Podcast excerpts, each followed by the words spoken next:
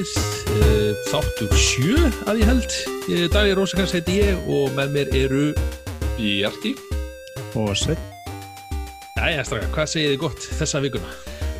Bara ljómandi fint held ég Jæja, er Allir fylgir en ekki? Jú, jú, Já. sem betur fyrr. Það er hana mjög bara þakkláttu fyrir það og, og Mhm. já, akkurat. Akkurat En svona, eins og segir, því hérna hafið þið verið að spila ykkur töluleiki svona sérstaklega í, þessu, hvað, sjóttví eða sjálfskipuðu sjóttví eða hvað er maður að gera? Ég meina, er ekki hægt að segja tölvuleika spilar síðan þegar gerðu byrja á því lengu og nú cool að vera í sótkví Svona, Svona þannig að segja. Talaðu það, þið sáu eitthvað hann að Twitter, það var eitthvað að tala um sko að því að, að, umræðan bara síðustu ár eða svona, alltaf verið að, að, að snjáltæki þau einokra okkur svo mikið, þú veist, fattar þið en núna eru allir að sækja því snjáltæki bara til að geta, þú veist, ekki Já. einokra sig En að. Vestlan, já, Vestlan er að tala með sér bara metsala í fjarskiptabúnaði og myndavillum og og fó- fólk, fólk að klára Netflix bara. Já, mamma Já. er, já, klára net mamma er komin inn með iPhone logsis, eða þannig að hún fekk sér iPhone og hérna, Mm. ringir hún alltaf FaceTime, þú veist, maður er maður maður hefði alveg getið gert hann alltaf Messenger, en maður svona gerði það ekki, nú ringir hún alltaf bara, með, veist, er Ég finnst mjög gaman að gera þetta við þessu ömmina á búa, ekki- búa svolítið langt frá og þetta gerir þetta einhvern veginn persónlegra en bara að tala í síma þó að það sé búið fínt sko. Já. Mhm. Þetta er svona skrítið svona loksis, eins og segja, og alltaf vera svona ef þannig að gegna tæknina og núna loksis sér maður svona rosalega þörf á henni. Já, og gagliður hlið, hlið, hliðin á þessu Akkurat. En já, við ætlum að spjalla um tölvuleiki eins og þetta, aldrei sem vant, nei, tjú. Þannig að uh, íslenska e-sportstu á stöð 2 straka, hafið þið eitthvað uh, kynnt ykkur það?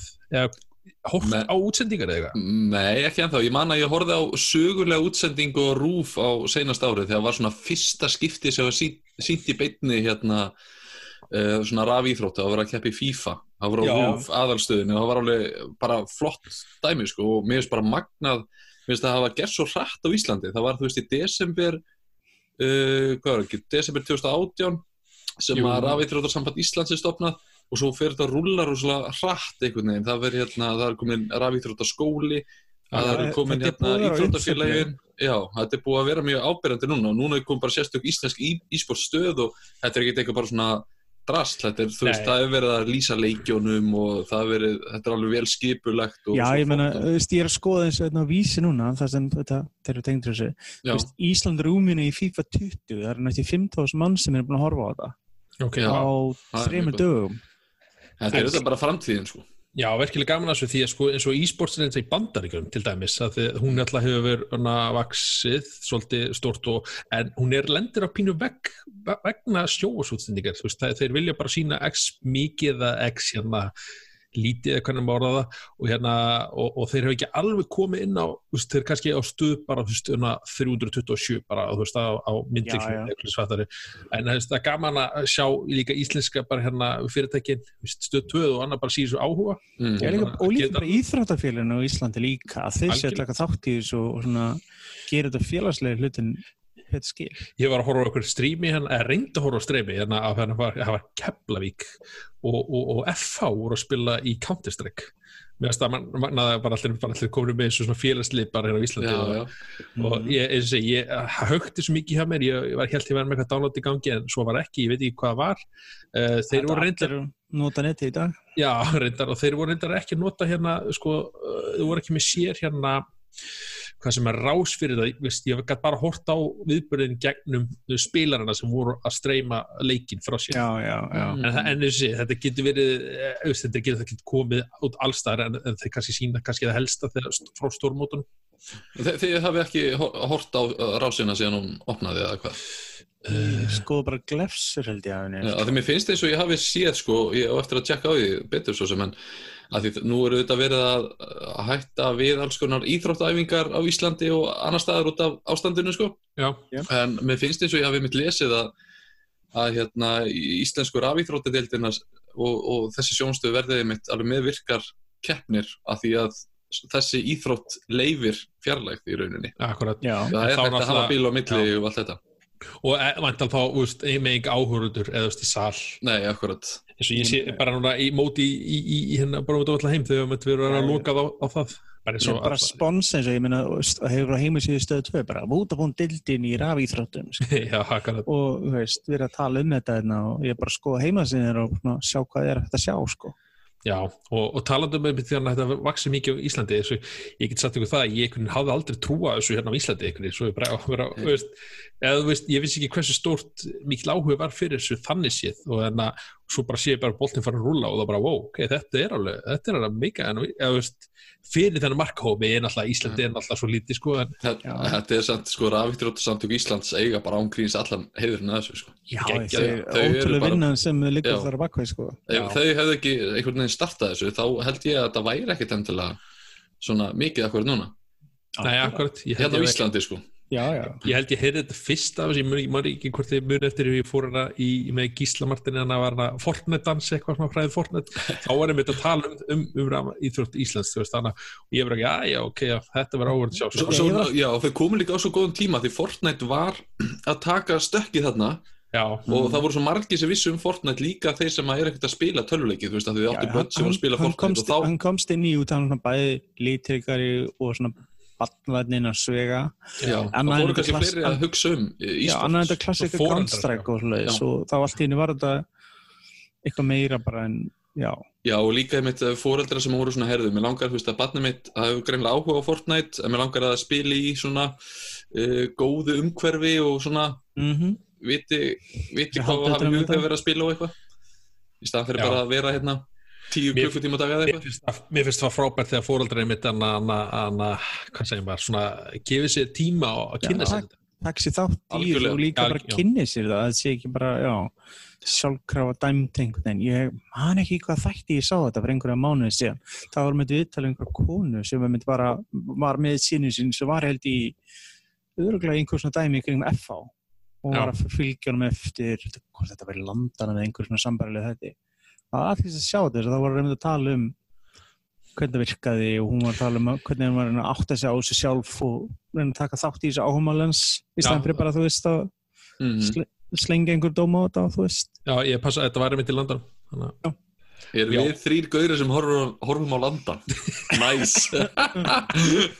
það kemur töluleikja þing þá er ég bara, ú, nei. Já, reynda, þeir eru, hafa alveg verið með tölvuleikja tengt að þau, Já, verið með leikjaran ég- líka einhvern tímann Já, Mm, já, já. ég er fann að vera svona ég hef alltaf rúf, eða ekki rúf endilega bara sjóp í gangi bara, veist Já, bara nýja útvarpið bara Já, ný, þetta er svona Já. nýjúturbur, svo allir Já. landir í gangi og, gamla guðvann sko já, stendur fyrir sínu sko. En já, ég meina maður auðvitað grípu tækifæri þegar umfyllunum töluleiki saman Alveg hvað það er klárlega, og stu, stu, hana, rúfið það þú veist rás eitt eða bara hvar sem er sko. Ég, ég hef mjög gaman að fylgjast með til dæmis Counter-Strike þó að ég, er ekkert, ég er frekar lélur í honum. En þetta er svona, þetta er og horfa veginn svona skák, veist, leikurinn er, hefur, hefur bara verið eins öll þessi ár Mm. Já, og vangákurinn er alltaf svo sami.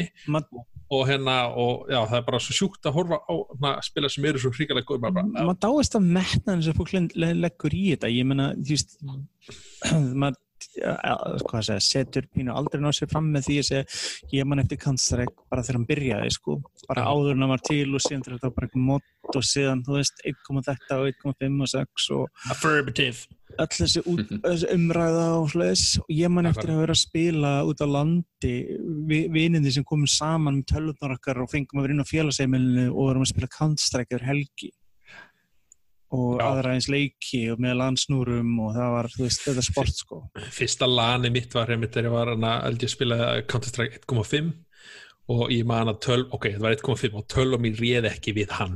Uss, það var bara, þú veist, það var bara að fara að kif sko, bara strax fyrir fermingapenningi ef maður ekki að kif nýja 12 og ég sagði sjálf mig það aldrei eiga svona lila 12 aftur.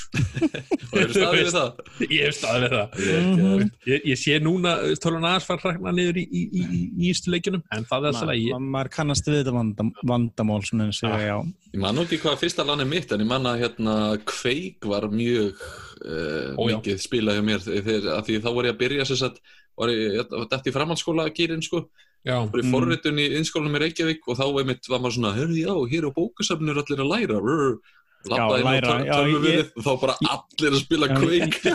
ég hef verið stattur einmitt í tölvu þetta líka einmitt í einskólanum einmitt í Reykjavík og þú veist, það var mér svona svipa bara hmm, spila eitthvað annað. Ég meni, ég til að spila með nullmótum kapli sko Command and Conquer og Diablo 1 sko.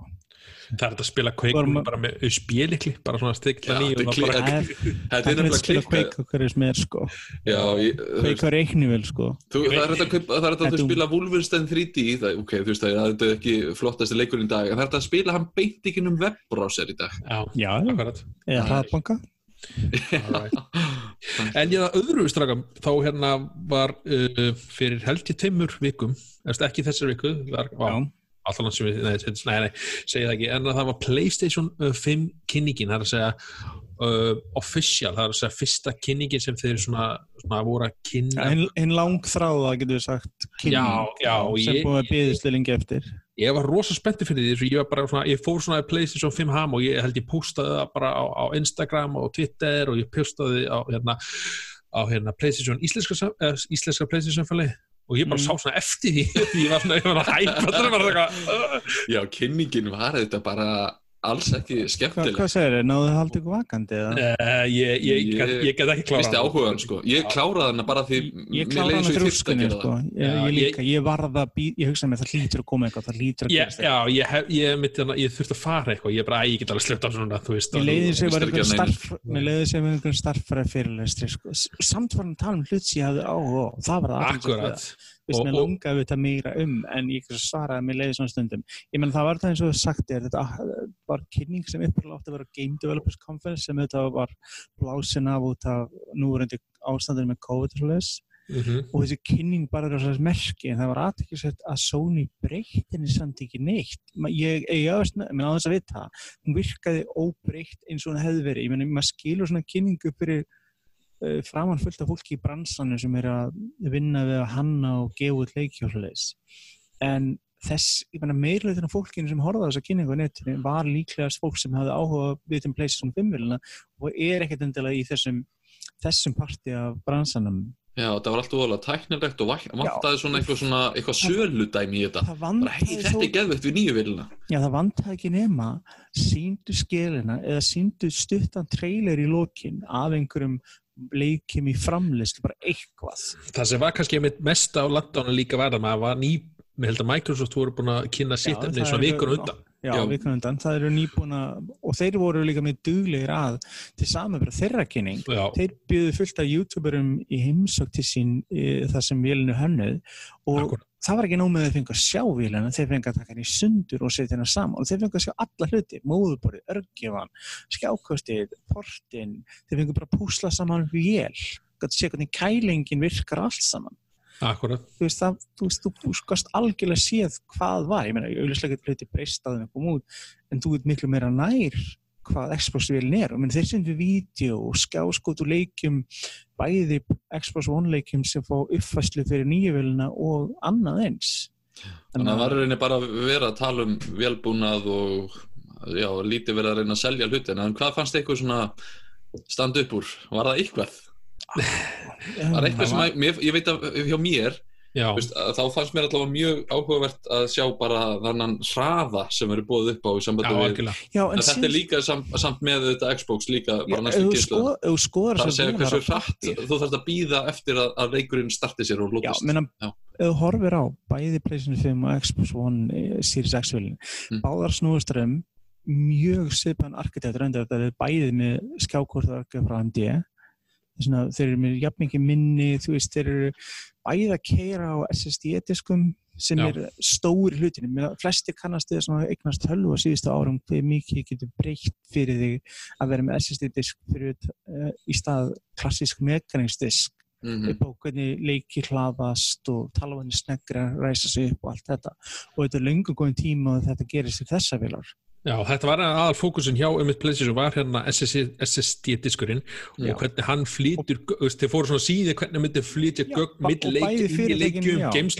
og maður bara, já, ó, ok, þú veist, þá bara svona týndist maður alveg hvernig það en, lega. og það er aðtækisvert ef þú skoður umræðin hefur bæði Sony og Microsoft þá talar um það að leikir sem eru hannaðir bara fyrir þessar vélar munu þurfa að keira þessum diskum engangu, ekki út af að þú átt að geta að halda frá að tengja utilengjandi USB-disk við til að Já, spila leiki og hlegi og það tala um að gömlu leikinir, PlayStation 4, Xbox One X leikinir þeir keiri að við spíðalslis en nýjir leikir verði að keira á þessu nýja þess að það er gert ráð fyrir þessum flutningsgetu og hraða í hvað var hönnun aftur leikina. talað hvað var aftur talað um til dæmis bara að nýjir leikir væri, væri voru ekki að tala um einhverja sko bara sekúndu eða eitthvað Jú, það talaði um sko hvað takja langa tíma og, það, og leikir munu ekki ráð fyrir þessu þannig að þú lendir og það verður aðeins að sjá hvernig þetta ekla það. Bæði fyrir ekki að tala um það, þú getur stakka plássið á vélinni, bæði á PlayStation 5 kynningunum að talaði um það að þú mynd geta bætti við NVMe SSD disk við sem er svona diskur og litlu spjaldir eins og skrúar í móðubor í dag Já, ok. sem er þetta fárlega hraður og það mun stiða það þó við vitum ekkert hvernig eins og við myndum ekki sé vilina raunverulega og það verður þetta tengið auðspildisk en það verður viðbúið að þú getur bara install PlayStation 5 leiki á innbæðiskin og ef þú bætir við þessum NVMe disk en þú verður að gera PlayStation 4 og það ennaðefni á uh, hinum diskum. Já, ok. Er, það- er það ekki rétt munna hjá mér annars að það var talað um að þú veist ný, nýjir leikir þeir taka ekki nema bara cirka sekundu Já, þeir segja það, Já, pappír, segja það, þú það er veist, þetta besta það sem við höfum akkur núna sko. Já, þú veist, þetta verður alltaf einhverja sekundur, ég menna það búið að vera að sína eins og Spiderman leikurinn og fleiri, Já, já, en þú sér það sjálfur, þú getur gert þessa tilhörun bara í dag, setti Doom uh, eða einhvern svona leik í tölvuna þína, keirða hann á vennilegum disk og SSD disk og Mhm. sjáðu hvað hann er snöggur. Ég menna ég tek þetta bara með gamla, þú tölum um gamla leiki, svo Crysis eða Battlefield 1 eða eitthvað sem ég með installað á mér, Mhm. Battlefield 5 eða whatever, Division 2, maður tekur alveg mun að Það voru- hvernig leikinni keira. Akkurat, svo voru að tala um hérna eins og ég sá eitthvað viðtalið einhver frá Naughty Dog, þau voru að tala frá Last of Us, Mm. voru að tala um þegar þú ert að keira ákveð umhverju í leiknum og, og þú ert að spila Jóel og hérna og, en þeir eru með 12 útgáfur af honum svona assets Mm. í heiminum tilbúin þegar hann tekur eitthvað snúning eða eitthvað til að hlaða þannig að þú tekur aldrei eftir því sko. En þá skiptist hérna, hérna kemur ný, svona, ný hérna, mótil inn í leikin og, og það er svona, veist, hann er svona stand-by í bakgrunum og þetta mun eigða öllu því og þurfi ekki að vera með svona það er mm, grundvallar breyting hvernig leikir teikna umhverfið. Það er það sem er. Og þetta er líka ef þið muni kannski eftir það var sínt vídeo fyrir svona 5-5 ára síðan hvernig Horizon Zero Dawn tæklaði þetta hafið séð það? uh, jú, jú, þannig að sér hana, Gorilla síndu hvernig heimurinn er teiknaður og í hvað svona út frá hvað þú sér stendur og hvað Akkurat. heimurinn er teiknaður og hvað hann er ekki teiknaður fyrir aftæði ef þú ef þú myndir sjá að Personan snýri sér hvernig heimurinn er búinn til Akkurat, ef þú myndir horfa bakgrunni eins og þú sér aldrei, þá bara veist, aukt það er svart, það er ekki að Já, hann hliður inn í ákveð og hvernig þetta streymi. Það er það sem þetta snýst um. Flest allir leiki í dag eru að streyma greiðlega magna gögnum. Ég meina, jafnvel þó við erum að horfa á það að nýjavélunnar geta notað upp í 100 gigabæta diska frá, frá 50 í dag. Það sem já, það sem leikir að stakka mikið. En þið fundi ekkit fyrir því hérna, ó, Xbox sem er betri, hérna, öflöri vél og, veist, Á pappir er Xboxin Já. betri á Xbox, En almennt virðist almennt virðist Microsoft ætla sér að vera samt vera með sterkari vél vegna þess að þeir auðvitað eru að gera allt til að forðast mistökin sem voru gerð með upprunnu Já, Xbox með- One-vélina. mér vantar Já. svolítið bara að sjá einmitt svona meira sölu hluti, mér vantar að sjá verðmiðan Já, og mér líka vantar að sjá hvernig- svona hvað, hvað verður Xbox með nákvæmlega sem að Playstation verður ekki með og Já, við En þú vitum veist, akkur núna meira finnst mér um- Xbox aðeins meira spennandi tölva Já, sko. já, við sko, Já. ok, leggur dæmið bara eins og það er núna Þú bara við það sem við vitum og ekkert annað Mm. Ok, við vitum að PlayStation 4 mun keira PlayStation 5 leiki, segir sjálft spila 4K Blu-ray diska sem Xbox One gerir nú þegar nýri vilanar og, og já, vera með nýja tegunda harðiskum svipaðans Xbox. Bá, bæði, en á móti kemur Xbox sem mun líka gera allt þetta og spila Xbox One leiki Xbox 360 leiki, Xbox Origin leiki. Það er svolítið stór söluvara.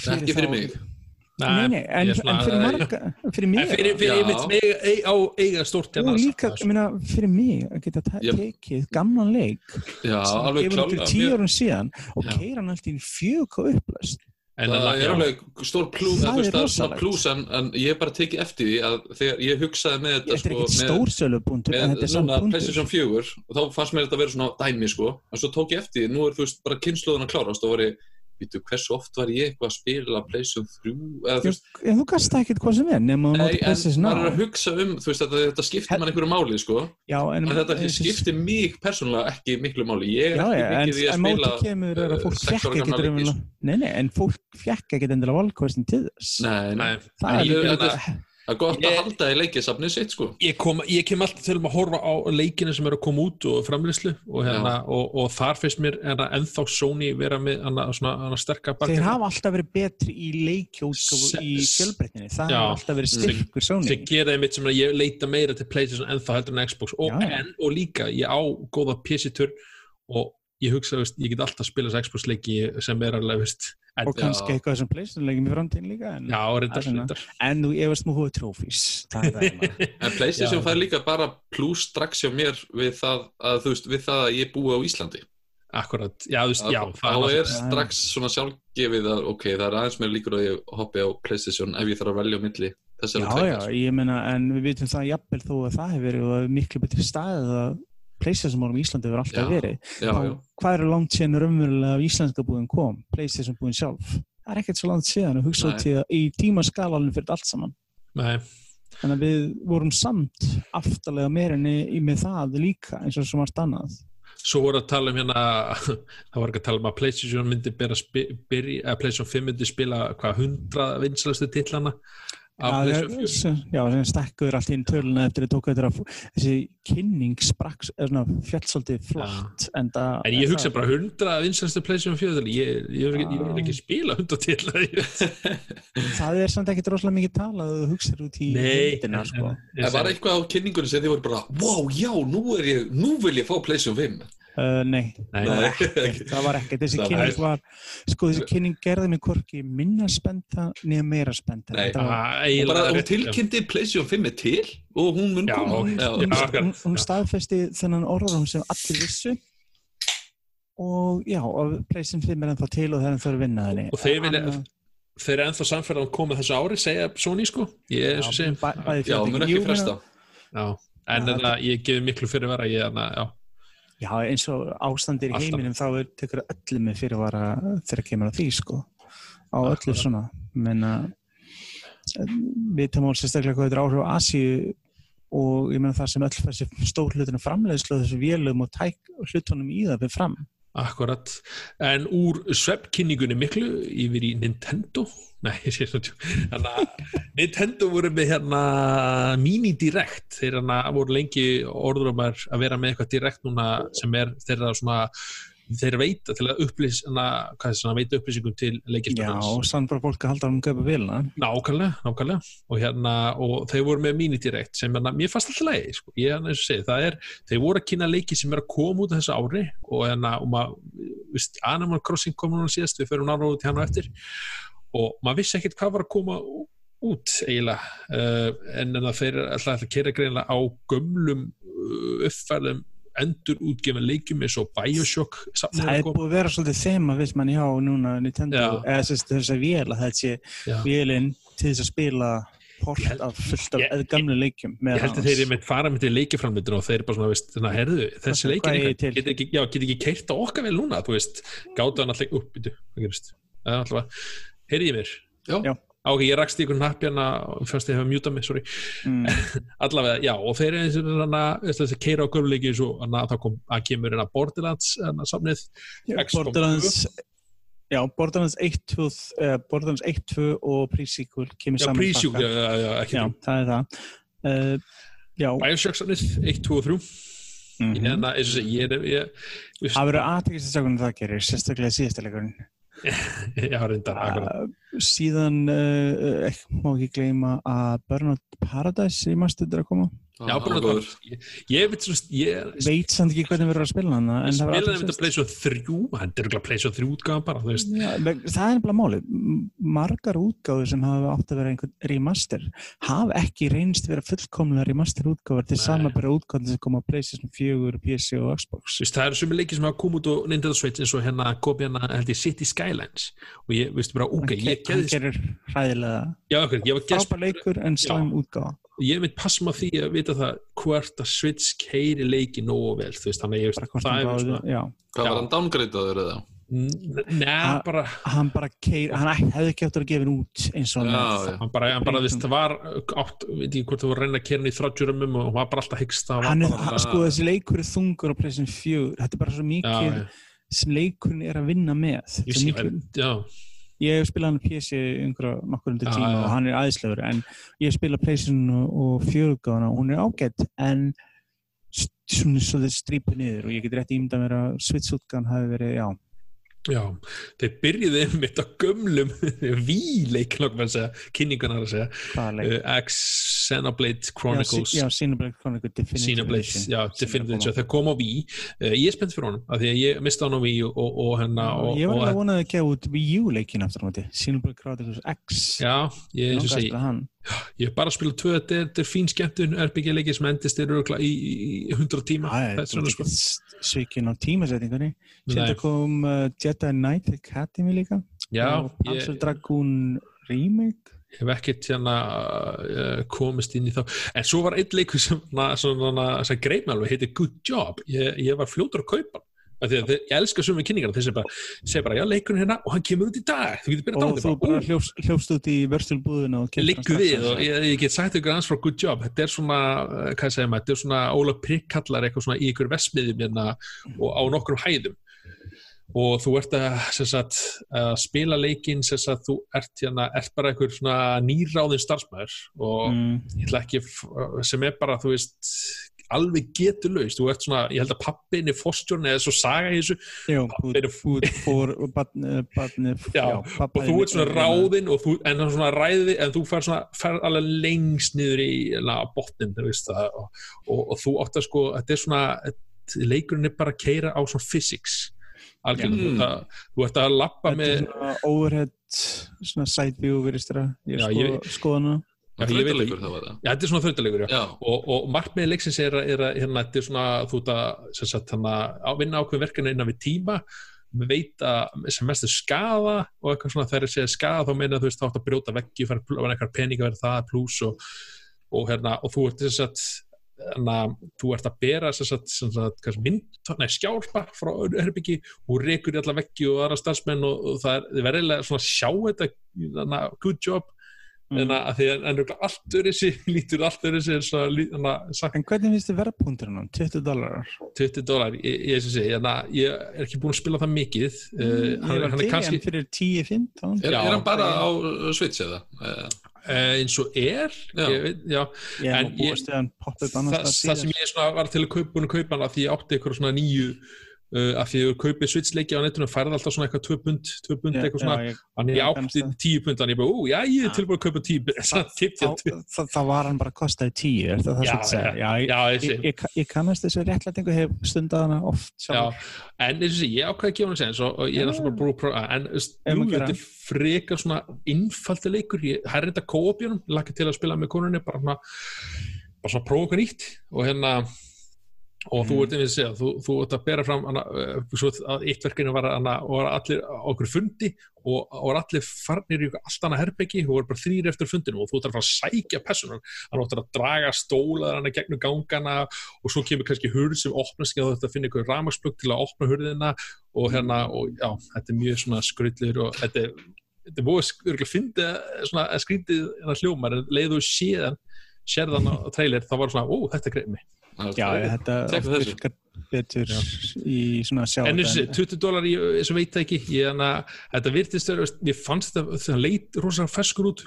En þetta er ekki, þetta er ekki samt svona, þú veist, ég hef alveg gert þetta áður í ykkur leikjum, skil. Þetta er bara að vera að leika með svona physics í leikjum. Það er oft mjög gaman á svona leikjum sko. Já. Svona döm leikjum sem er bara þetta, já drepa tíman og hafa gaman á Svo eru nokkri aðri leiki sem ég ætla að rétt að nefna. Það er náttúrulega Pokémon Swords and Shield fær bráðum hérna útgöfu þeir að fá hérna DLC þeir að vera mikið að keira á DLC efni eftir Wii U og Switch. Mm. Mhm. segja, sem er bara flott finnst mér að því að sko ef þú kaupir leik og, hérna, og, og endist þér eitthvað þetta mikið og, þú vil spila lengur þá finnst mér alveg flott að geta keift efni og haldið áfram. Já, það er um að gera. Það er að segja, já, og hérna Ring Fit Adventure fekk nýja uppfæslu Já, hérna, þú veist, það var eitthvað veist, að greila vera að nýta yfir tímur það. Ég, ég get sagt ykkur það, mér, lang, mér alltaf lúmst langað í hann. Bara svona, fyrir, fyrir vín, fyrir ekki- maður verður að prófa svona já, hann, hluti. hann er bara uppseldur í band, Já, ekki bandur, konan hann er hefur upps talað með þetta um að hann langar og í hann Íslandi líka? Já, hann hefur lengi alveg uppsett, ég sá hann Já. í Elkon daginn en það annars hefur verið strempið að vinna Já, í Nintendo í, í, í, í Berlandi, þannig að hann er uppseldur þar og hann að, veist, og segi, ég held að eftir að, vel, þessu segi, bara svona, ég held að vera svona mindless fun, bara eitthvað að prófa þetta og að því þetta er svona þeirra eitthvað tæknilega sér.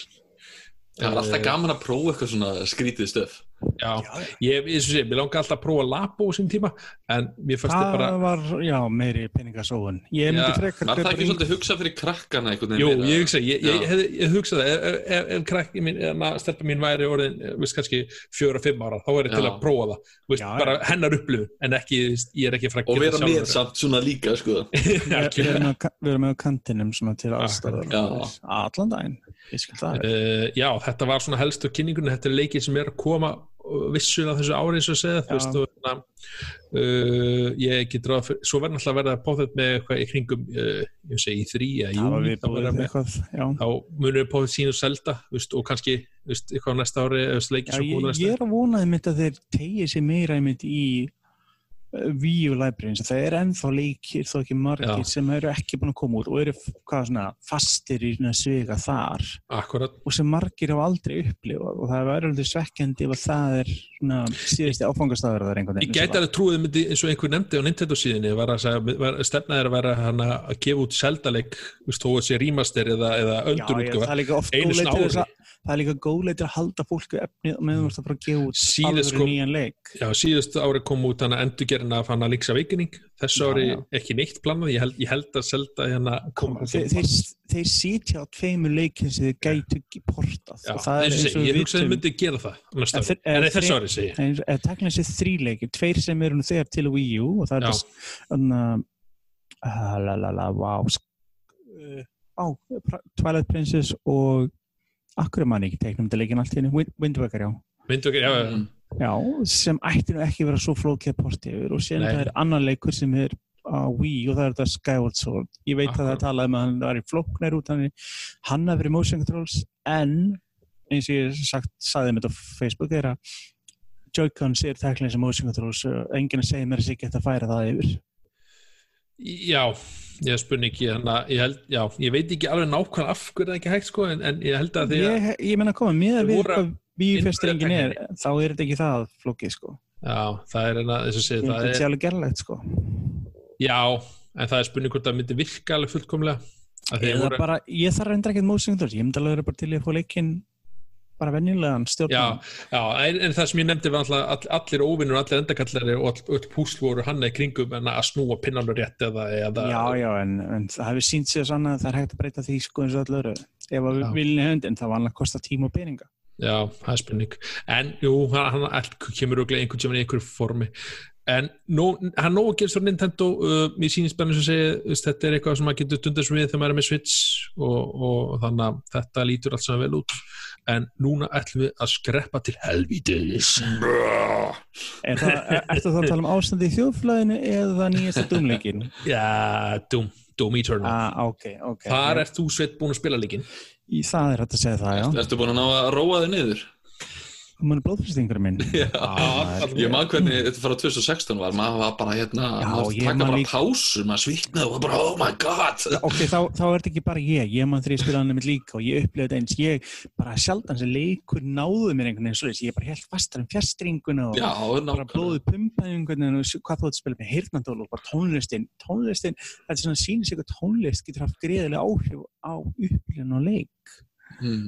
og, og í þess að segja, þess tilfelli, já, og í Doom Eternal er áframhaldið þar. Og þannig að eins og er aðtíksett með því þú veist þeir enduröstu þetta seríuna eitt software með 2016 útgáfinni og ég meina sá leiku var að vera lengi vinslu áttið að vera Doom 4 og sem var hún bara rýbúktað algjörlega og það var eitt gálegasta sem þið nokk áttu nokk síðan gert var að endurösta bara leikinn hálfpartinn. Og núna Akkurat.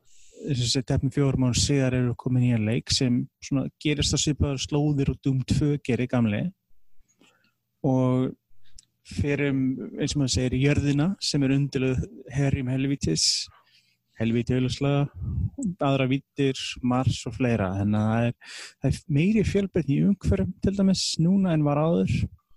Var það ekki í svona sögu þessu leiksins, var það sögu þráðu leiksins, var ekki þannig að þeir voru svona heilig búin að tappa áratun og þeir voru að byrja að Að gera alveg svo jörðina? Þeir skítöpuðu sko, vegna þess að það er 70 hvað, 70-80% af mannkinu er dögt þegar leikurinn byrjar, sko, þeir, já, þeir eru Já. Væga sagt akkurat. og þarna dungurinn er kemd í jarðarnar og eins og maður búast er mjög reyður en ég held að hann hafi fæðist reyður svo er með vélsök Já, Með vélsög í þokkabóð Er það eitthvað svona að gefa svo svona? Nei, hann, hann lætur þá lítið út eins og þú veist bara sunnudagsskóla krakka til sambröðar Alveg, ok.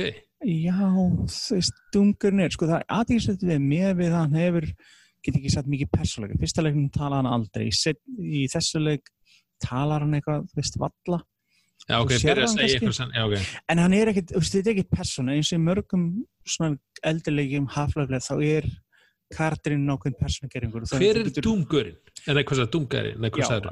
eh, vilt kafa dýpar út í, það segja, sögu þess að leikja þá þarna er röð aðtöka, eða þessi röð múti farið að fundi, hann áverða tæknilega sig uh, skildur BJ Blazkowicz tæknilega sé að hann verið einhver gammal forfæður hans Já, ok. Blazkowicz ég held að byrja með síðast, sama síðasta nafn Blaskus, var það ekki, var ekki Wolfenstein? Er þetta sami heimur eða? Nei. Kannski er það að vinna upp sig kannski er það Já, ekki að tengja þetta allt saman saman Já, En, en þetta er eitthvað svona gamalt, þetta er eitthvað svona, það skiptir yngur máli. Dungar Nei, er bara virkilega harður kallt sem drafst Er það- er og lét það- ekki stoppa sig, sko. Er það persónum sem þú ert að spila? Já, þú ert Ah, Doom, ok. Doomguy eða Doomslayer, þú ert Já, hann. ok, það er samt, ok, já. og þú ert svona eins og maður segir og brandarinn er eins og sko, eins og oft sagt með þess leiki, þú veist, í Demon's Souls og Dark Souls eru, ert þú lokar inni með djöflunum en í Doom er djöflarnir lokar inni með þér? ok. og það er máli og þú veist, snýst, þessi leikir snúast bara um hraðarspilun og næsti svona ofraða fyrir svona gamlingja þessum mann að það var á köflum sem ég bara var hálfur ringlar, það var svo mikið hraði þetta borðurinn er stærri og opnari og krefjast, og þau eru herri líka núna, það er meiri verstu galdi í gangi sko, þú ert að fara á milli svæða miklu meira og nýta þér umhverju til þess að lifa af vegna þess að bæði um 2016 gáðan og þessi og þarf að vera svolítið aggressív vegna þess að annars derður strax. Ef þú reynir að spila eins og verður að spila Call of Duty, Gears of War og eitthvað þá ertu döður bara sekundbroti sko. í sama stillingu spila vegna þess að skotfæri og heilsa er alltaf rosalega skornin skamti og eina lendi af heilsu og þetta aftur er að drepa óinu helst sem litrikasta og blóðasta hátt. Mér sérstaklega með keðisögun eða bara rífa það með sundu með höndunum sko.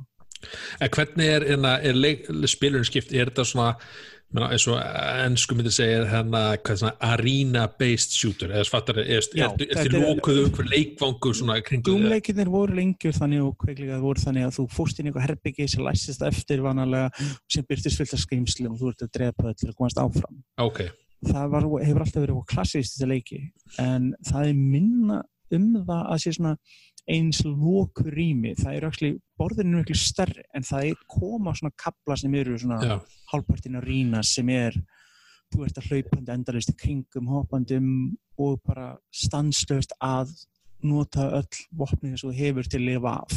Og svo einhverju eftirminnilegi bossar eða ekki? Jú, það eru nokkri bossar og sko það sem eina sem er, sko þeir hafa klálega hort til síðasta leiks og bampa erlagstillingan tala sér vel upp. Jafnvel þú spilar hann í medium, ég held sér svona fjóra-fimm erlagstillingar, en þú spilar hann í medium, þá er hann dröllu erfiður. Jafnvel í auðveldastar hann erfiður. Vegna þess að það er ávallt skortur af vopnum, eða sérst skotfærum. Þú ert að nota einustu byssu sem hefur, ólíkt eins og í sumulegjum og jafnvel í gamla dumlegjum þú kannski bara valið það byssur sem ég helst upp og nota þær. Þessum ert að nota allt vegna að þú ert bara næst í að kasta bara líkansbörtin í görn að drepa á köflum. frá 2016 var ekki svona erfiður Nei, nei, Nei. þessi er, það er málið, það er ljóst að þeir gerir þannig talsveit erfiðari og ég veit ekki, sko vandamálið sem ég tók eftir er að þú, þú rekur þig ákveðin á vegg miklu hraðar en þú ættir að gera. Eins og það er oft sagt er að töluleikir oft byrja á styrkleika og síðan vinna þessi upp hægt og vera erfur og erfari, það er vanalega þannig. Vegna þess að þú ert komið lengra áleiðis að leikmaður er klárari og betri í leiknum og með betri hluti svo hann auðvildra með að lifa af. Þarna finnst mér þú rekst á veggin miklu fyrr en þú ættir að gera. Og Mm. síðan það sem ég lendi í var að næst síðasti bossin leiknum var markvælt erfiðari en síðasti bossin leiknum það var sem eins og aðstæðan hönn vegna þess að það var að gera mig geðveikan vegna þess að þá fyrst var ég að byrja að bölva því hvað var lítið um skotfæri í leiknum. Og það voru bara einhver tvættíðundur óvinnum sem þú gáttu gefið þér skotfæri. Þú veist að berjast einhver óvinn sem flög um og jörðin var, þú máttir ekki snertana þú veist alltaf á reyfing og ég var að vera pínu geðveikur að spila. Þarna hefði ég hægt, sko. Já, það tvennt sér hjálpa til. Þú getur breytt að leggstillingum hvernig svo vilt en eins og ég segi, jafnvel í auðveldasta það gerði ekki, Var, varst ég auðveldast að þú bara stuðan eða? þegar ég var búin að lækka hana niður. Það er mjög algjörn Úr medium í auðveldasta þá eða? já, Já, já, og jafnvel það var, þú veist já, já. sko málið er það er, ég, samt, ég held að ein misti sem ég gerði var, ég tók ekki nóg vel eftir. Það er upgrade kerfi leiknum til að uppfara byssuna hennar og vopnin og og armorið og leikurinn var glemt einhvern veginn að segja manni stundu frá að þú, ei, þú ert fullt ónotað sem kannski gáðald að nota núna og betrum bæta vopnin. Þannig Já, ég inn einhver 40 einhver tokens ég get nota til að betrum bæta vopnin. En jáfnvel það döði bara svo lengi. Þannig að ef þú varst með degi held ég 6, 7, 8 sinnum þá kom leikurinn og gaf þér einhverja ekstra brinju til að lifa þetta af betur. Mm. þetta er svona háðungsvölu næsti, þetta er með ekki alveg þannig hausin eða eitthvað. Ég finnst það gaman þegar einmitt leikir gera það. Þannig að ég finn hugsa til Max Payne leiksins, Max Payne 3 sem kom út svona á PlayStation 3 Xbox 360 og og PC PC, Ég spila hann á PlayStation 3 ég man eftir þannig að þú fegst svona painkillers. Og stund, stundum varstu bara með minnið bara out of veist, það varst bara tómar og, og þegar þú dóst kannski 2-3 þá bætti leikur svona einu painkiller eða svona fattur já, já, og svo er- dótt þetta oft, þá bara ekki eftir þá, þá var mitt svona, ég var greinlega komin á vegg ég bara, oh, ég þetta er svo erfitt. Og þá bara svona, herri hérna, prófa þetta. Þannig að þá svona gast, ég svona komið í gennum partin á þess að þurfa endilega að finna í umhverfinu því Já, að Þetta er- er- getur nefnilega skemmt leik, ég man alveg ennþá eftir, ég, ég er kláraði til dæmis aldrei hérna Resident Evil Code Veronica á Dreamcast ve- vegna þess að þá var, þú veist, hvert save tók nokkuð megabæt og maður þurfti að nota minniskupp til að eiga x mörg save fyrir mismöndi leiki, sko Já. þannig að ég var með eitt save í Resident Evil og það er líka svona, ég mitt verið að passa upp á skotin og svona, og ég var alltaf að overræta og passa, ég mitt, ok, þú og getur svo málað held og ég. Já, nákvæmlega, og svo held ég að hefði komist að fælubossunum, ég er ekki alveg viss þá er ég bara með x-mörg skot og ég næ ekki að drepa hefði skaurin og ég, þú veist, fer það oft í gegnum þetta að hérna, ég næ að, þú veist, headshotan með hverju einustu basúku skoti og hann deyr ekki. Þannig að ef ja, leikurinn hefði þarna gefið manni eitthvað svona, ekki lent svo vel, hér er auka ammo eða eitthvað, Já, þá, ég hef maður í þessu með leikim þetta bara get ekki klára á hrannlega Já, annan kom þetta glitsi eitthvað það sem sko vandar, sko, þú ber saman 2016 hann er rosalega vel slípaður upp ég ætla að spurja því hvernig er svona, er, Hann- er að bera saman við þann? Það er ákveðið flæði í hann ég er næst ekki alltaf bara í báðum en það er betra flæðið í Doom gamla, Já, það er ákveðið flæði í spilun. Og þú dettur inn í ákveðna tilfinningu eitt smá tíma að spila leikinn og þetta bara virkar, tónlistin spilunin, allt saman bara virkar og þú bara ert bara svona in the zone eins og maður segir. Og það gengur alltaf og almennt í tönur er það þannig. En það koma kaplar sem það gengur ekki upp og með smá slípun á öðrustilegunni er það leikun ennþá betri vegna þess að næst í öllum sviðum er leikurinn miklu betri en hinn akkurat. Þannig að hann, hann er að fá aðeins meira í einhvern þá í rauninni en 2016, svona heldina litið. Já, þetta, Já. þetta er rosalega vel gerður og seinkunin sem leikur var fyrir hjálpar hluti, hann er mjög vel slípaður. Ég lendi sem bara einum glitch í honum þannig að hann krassaði og það var þegar ég spilaði hann í Xbox One S. Frekar hann X, ég var eitthvað að hoppa á milli og notaði photomode sem þið sögður í beta útgáfa og þá krassaði leikurinn. En akkurat, annars var hann, og hann hliður líka mjög hratt, að þú deyrð, hann er ótrúlega snöggur að hlaða þess aftur og ég myndi ímynda að þú var hann að gera SSD-disk á nýjuvélunum, þá var hann ennþá snöggur. þannig að þú myndir mæla með Doom Eternal Já, já, þú þarf bara að gera það grein fyrir hvað þú ert. Ég þú veist, ég, ég sko eins og segi, þú veist, Er nokkuð mikið úrval núna í dag hvort þeir? Þannig að maður alveg, þú veist, Jú, Animal Crossing, þeir- Svo eitthvað sama það dag. ólíki leikir. En það er mjög gaman að skoða svona vídeo og sk- screenshot þegar fólk er að blanda þessu saman það er alveg. Akkurat. En sko, eins og ég segi, þetta er, þetta í fyrsta skipti í þetta langan tíma sem ég upplýði svona eitt, ég veit ekki hvað Já. það er bara ég eða eitthvað annað, að ég upplýði þá að mér fannst stundum ekki vera nógar með fjastringun að spila leikin. Mér leiðis eins og ég þurfti að vera með mús og ég mér, og ég get ímyndað mér að spila hann í erfiðstillingum, eins og alltaf nættmér, ég held að það sé ekki hægt að spila hann það er alveg hægt fyrir gott fólk, ég er ekki að segja, en það er næst í fyrir flesta aðra þá kastar að mús og liklaborð. Þetta er bara, þú ert svo mikið að skipta með því vopna, miklu meirinn í gamleiknum og bara, ég bókstala mér fannst hún flækja sér, mér fannst heilin bara, bara, já, mér bara ekki virka, sko. Já. En hvað myndur í svona uh, skalan um 1, 0, 0 upp í 10? Hvað myndur í svona, Þetta er Þetta er- alveg fjórar, fimm leikur eða 8-10, þetta er frálega, já, átt, já. þetta er sko, það er málið, þrátt fyrir pyrringin sem var og allt sem er allt í lægið, smá pyrringur bara eðlögur þú spila svona leiki. Þetta er bara, ég, eins og segi, ég er í stífur viðnum sem ég vildi að hann væri enn betri. Hann er, svo, hann er svo langt, hann er svo stutt frá því að verða ennþá betri. Ég meina þau eru uppi staðið, ég, þó við erum bara kannski innan við nokkra mánu árunni, þá er þetta einnig betri leikjum ásins, gæti orðið þetta betri leikjum ásins. Akkurat, ég las eitthvað tíst á, á, á Twitter, það var einmitt var að tala um það, hann var tók nokkur sem fram að leikur væri mjög góður og að fíla mjög leikinn, en það, vant, það var eitthvað svona, sem var svona off, sem var kannski svo, hann var svona meira svona, ég veit ekki, svo leik, svona, ekki leikvullur, heldur svona, verið svona, hvað ég kannu orða það, Vá. Veist, það verið svona verið að leika þið með svona ákveð formúlur, svona fattar og þi- eins og það væri svona einhver plattformur, staðan fyrir að vera sé, ég, sko að segja, hopp og skoppkablanir sem ég kalla, það voru Já. þeir partar sem ég held að ég var minna hrifnar af en elgstillinguna. já, Það, það kom kablar sem varst að hoppa á milli, annarkvært að nota einhverjar uh, hluti umkörunum til að hoppa á milli eða grípandi í eitthvað og það kemur eitt bór í leiknum undir lokin Já. sem og það er allt á einhverjum fljótandi plattformum. Borðið er allt Akkurat. á einhverjum fljótandi plattformum og svona fljótandi í geimnum og þú ert að hoppa á milli þessa kabla. akkurat. Herðu, að, já. já. þetta var uh, Doom Eter- Eternal. En eins og ég segi, mæli með honum, Mæli með honum. mjög góð skemmtun og góð streytulóðsun á þessum leiðilegu tímum þegar þú vilt ekki spila. Animal Já, Crossing. og svo þetta uh, gaggrínin komin á, á heimasíðuna, heimasíðun er Norðsins, auðvitað. Lúkunni, Tjekki á henni, endilega. Uh, Mosaic, Mosaic, Mosaic. Hvað er Mosaic? hvað er Mosaic? Herri, það er bara rosalega þunglindislegur töluleikur. Og það að vindi ég það ekki? það skýrir Eh. Já, sagt. Eh, hérna, þetta er sagt svona lítill leikur, indie leikur, tekur 2-3 Það er að klukkutíma. segja, indileikur, það er annarkvæmt þunglindi eða hérna þunglindi eða, Eða eitthvað skrítið. Þú eða þú ert ekki að gera þetta rétt ef það er ekki eitthvað svona þunglindi og eitthvað dæmi. Það verður að vera tilfinningar í þessu. Já, já algjörnum. En áfram, já. En já, þetta er frá hérna norsku töluleikjafyrirtæki sem heitir Krillbite Studio og gerðu hérna Among the Sleep. Hafið þið prófað hann? Vá, með Rámar í hann. Kannast Among the Sleep, það, hann hérna greip mig, þetta var hérna, hann greip mig mjög mikið þegar ég spilaði hann fyrst sko, þetta er nefnilega, þú spila sem sko, hvað, tveggja, þryggja ára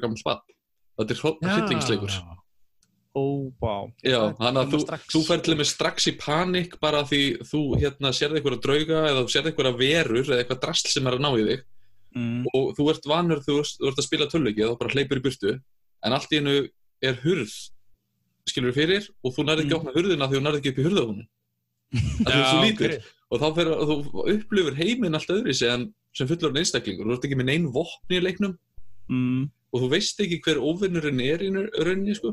Er Og- aðtíðast. og hérna Among the Sleep, ég man eftir því að hérna, ég var svona í smá samskipti við gaurina sem að voru að búa til það leik og þau voru allir að prófa að gera svona VR-útgáfa á leiknum. Og þá var einmitt verið að, að hérna, tala um og þá var bara verið að prófa sig áfram og þá var einmitt verið að tala um að hérna, og fleiri fyrirtæki komast að því að ef, ef það er verið að lappa mikið í leiknum að þá verður mjög mörgum bara einhvern veginn flögurt sko.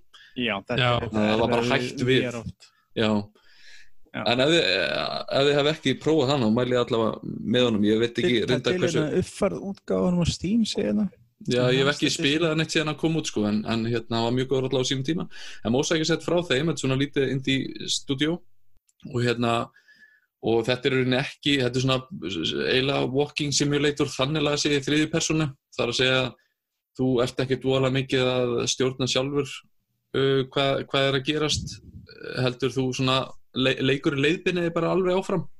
Mm, flottur artstillin í þessu. mjög flottur artsít, þannig að mjög- þetta er mjög þunglindislegur, þú ert þess að gaur sem er bara, þú veist, eins og eins og allir aðrir skrifstúgverar og þú ert bara hérna, ef, stór efast um lífið þitt, þú ert bara virkilega einmanna, þú ert þunglindur þú veist ekki alveg hvort að gera leikur bara hérna, hver er tilgangurum með þessu öllu af hverju er ég í vinnunni, sko?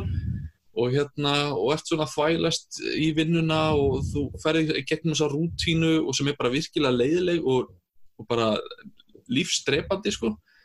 Og leikurum fjallar reynir svolítið um það að, að hugsa út í þessa hluti þú veist, hvað hva er það sem gerir þig hamingi saman er, er, allt, er þess virði að, að gera hluti sem að þú hefur ekkert passion fyrir og líka svona já, finnur svona uh, lífsgleðina hans í leiknum í rauninni. En hvernig tegund að spila leik, leiknum? Er þetta er ekki svona point and click, þetta er svona Já, að þú já. klikkar á st- stað, en þú ert samt ekkert, færið ekkert að velja neitt úða mikið, það Já. er svona pínu nú áttu að íta hér, ef þú ítir Já. ekki hér þá bara gerist ekkert Stanley Parable? Nei, Joe. Það er það nokkuð faðmlag, Björk minn. Jú, jú. Við getum alveg, þú veist, nei, bara Nei, ég, ég verð samt alveg vikinu, þetta var alveg svona leikur sem að var bara svolítið, Klárar hann eða? já, ég kláraði hann, það tók Það mig fyrir 2-3 tíma. Já, ok, það, já, er, það er eitt leikur sem ég þóri ekki að spila á móti, sem ég veit að þú fjallar um um daginn sem ég fjarla, uh, fara eins út á leið. Þannig að That Dragon Kansas. Já, já, ég spilaði hann ekki. ég, ég legg ekki í hann, ég skal við ekki hana það. Þessi er veit, ekki alveg hardcore en, en þessi er Nei, samt alveg veit- svipuð róli, sko. já, ég veit um hvað hann er og það Já. svona veit ekki, mér fannst nú erfitt að ég man, ég man eftir að spila Bioshock og það satt svo í mér vegna þess að dótti mínu var á svipuð róli og sýstunar og mér fannst rosalega erfitt fyrir vikið harfestótið er ekki. En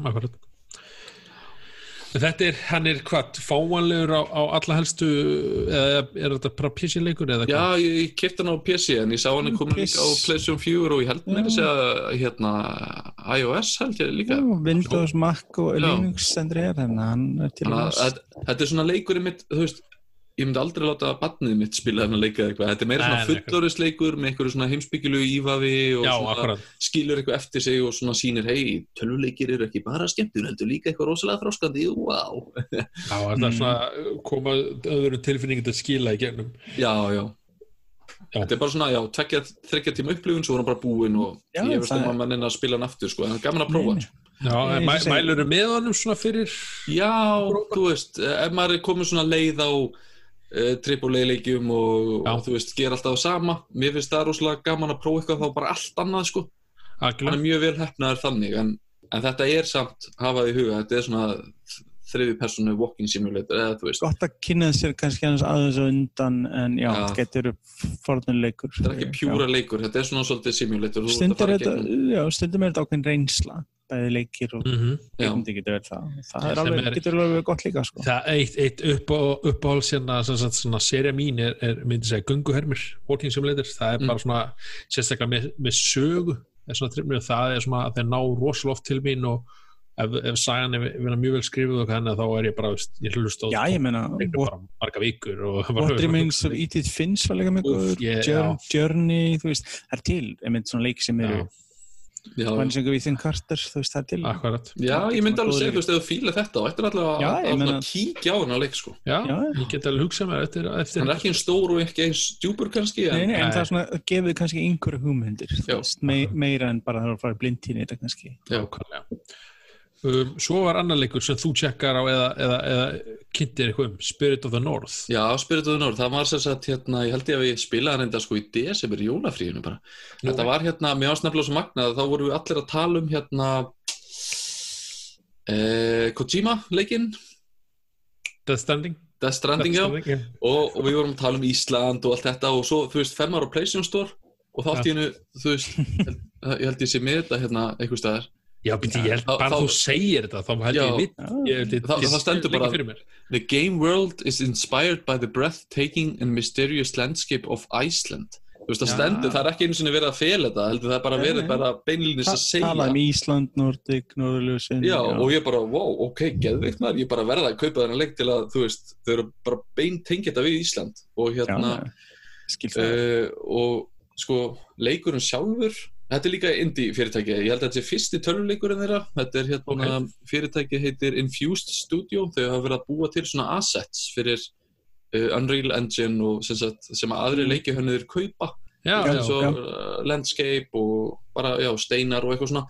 Mhm. og, og þeir hérna, já, ég held að þetta sé fyrsti leikurinn þeirra og þú stjórnar ref og ert að, veist kannski fóða lítið, þá sérði einhver svona rauð norðurljós uh, yfir himninum sem þú ert að elda og Já. það er svona eiginlega það sem þú veist að þú að, það er markmið þetta að komast tangað á endanum. Og á leiðin er þetta að leysa einhverja þrautir það er ekkert svona um óvinni eða neitt svoleiðis þetta er bara að þú veist, þú getur eiginlega ekki dáið og ert að leysa þrautir og komast áfram. Svona eins og gönguherminni með að þú ert bara dýr eða svona, þú veist, Já, í rauninni en svo- simulator. Það er svona aðeins opnari samt að því það er actually allavega þrautir hérna sem þú þarft Já, að leysa og svona flakka svolítið fram og tilbaka Já, en, þú getur ekki dáið í honum eða hvað?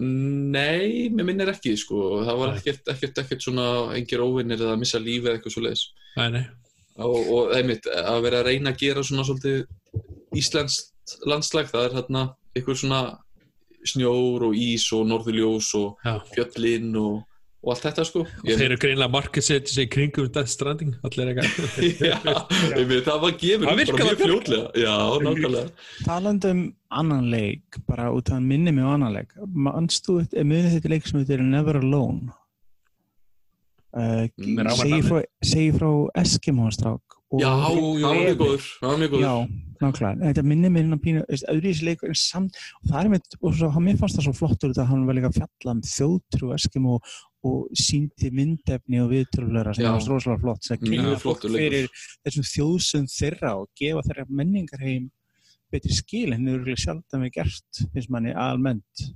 Já, ég, ég verði samt að segja að Spirit of the North, þú veist þau, þau eru ekkert eitthvað tengit eitthvað svakalega mikið við Ísland sko. það Já, nei, við já, við litir þessum- ég, ég skil tenginguna þína en ég fór bara að hugsa um hérna Spirit of the North leikin þú veist, þetta hefði þess vegna geta bara gerst í einhverjum búnum til ævintýra heimi þú veist, Já, já. Eh, þetta gerist ekkert, það er ekkert verið að tengja þetta svona mikið við Ísland þannlega séð.